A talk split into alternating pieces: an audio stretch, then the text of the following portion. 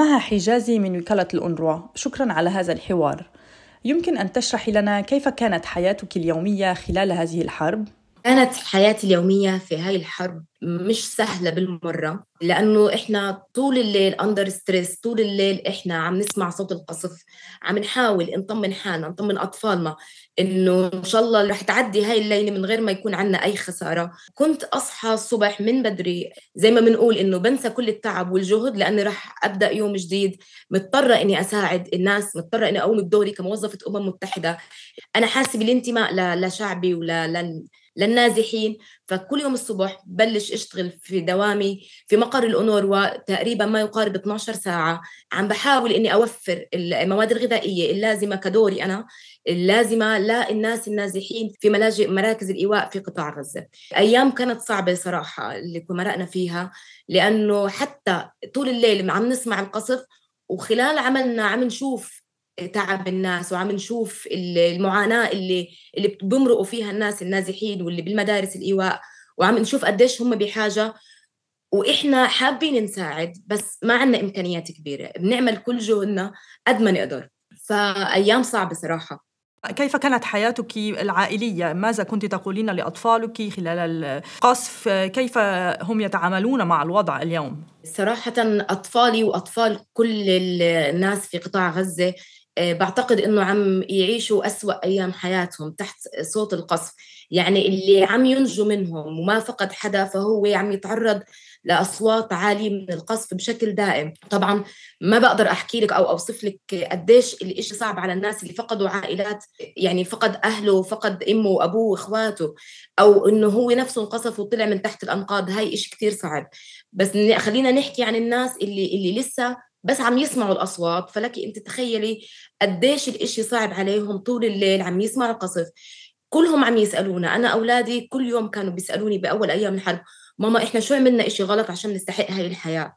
هاي هاي سؤال أسئلة إحنا ما بنقدر نجاوبها لأولادنا.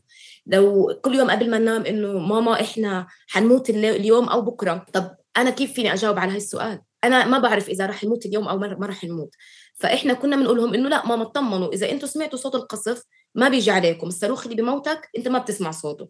وإذا متنا رح نموت كلنا مع بعض. فإنه يعني شوفي حجم الألم اللي بده يحس فيه طفل صغير؟ هذا هو جواب أهله له هو بيستمد أمنه وأمانه منا. إحنا ما عم نقدر نوفر لهم هذا الإشي. كمان إحنا لازم نكون كأهل نكون كتير قويين علشان إحنا ياخذوا أولادنا منا. فكمان هذا ضغط علينا إنه كمان أنا خايفة بس أنا ما بقدر أبين إني خايفة. لأنه لازم أكون قوية عشان أولادي. ما بقدر إنه يعني ما ب... ما بنوصف بالكلام.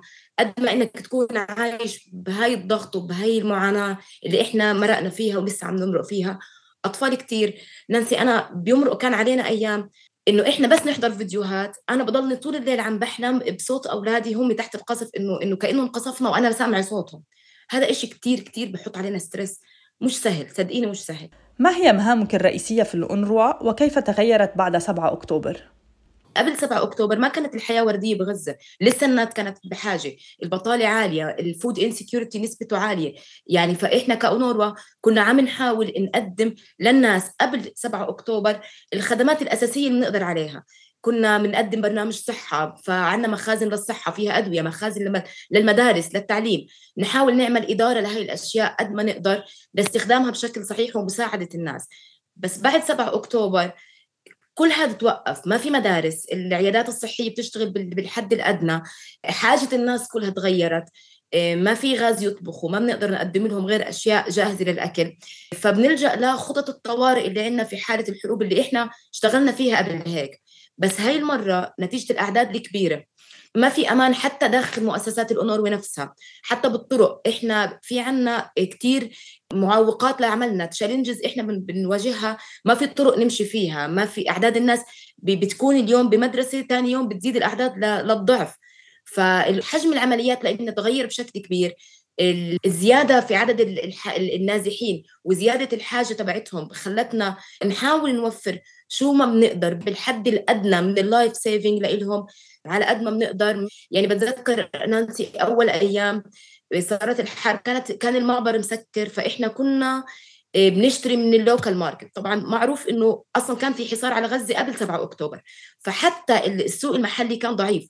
الإمكانيات كثير ضعيفة. فإحنا من أول يومين تقريبا خلصنا كل الموجود كل المخزن بقطاع غزة.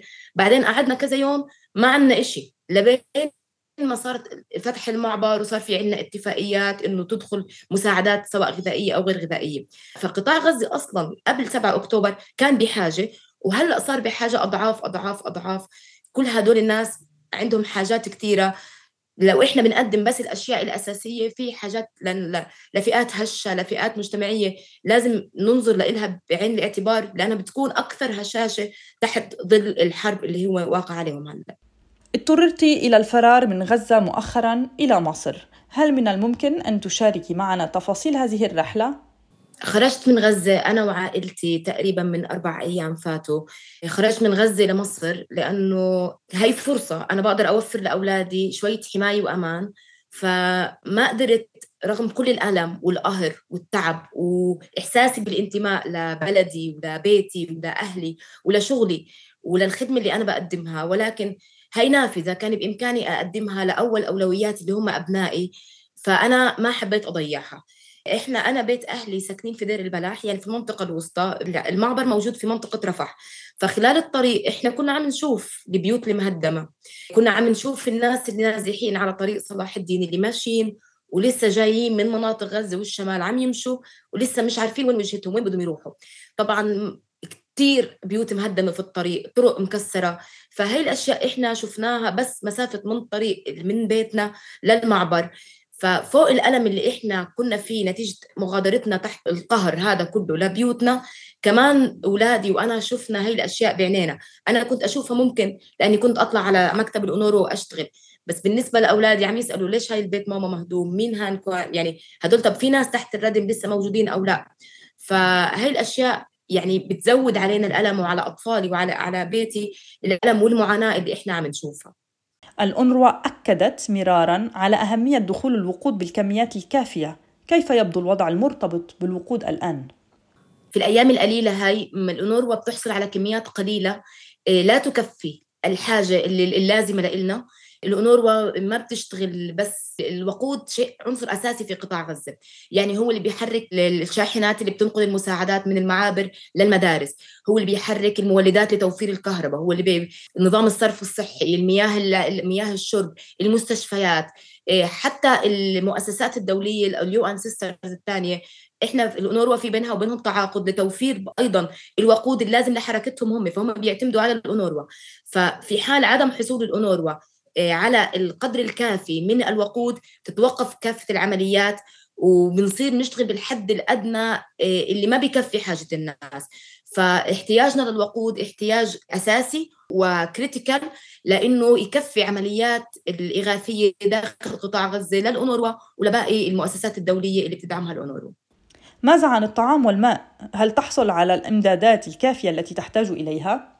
الأونروا بحاجة حاليا لكميات كبيرة من الغذاء والماء لأنه عدد النازحين في مراكز الإيواء آه، ما يقارب المليون نازح. مليون نازح بحاجة إلى كميات أعلى من المواد الغذائية من المواد آه، عالية الطاقة لتوفيرها بالحد الأدنى عشان ينجوا يعني ليغاثوا. فالأونروا بتحاول دائما إنها تشتري كميات كبيرة ولكن نتيجة محدودية دخول الشاحنات لقطاع غزة بكميات قليلة فإحنا بنضطر ننتظر لأيام عديدة للحصول على هاي المساعدات. أه، مع حلول فصل الشتاء ما هي خطط الأنروا لمساعدة الفلسطينيين وتلبية احتياجاتهم؟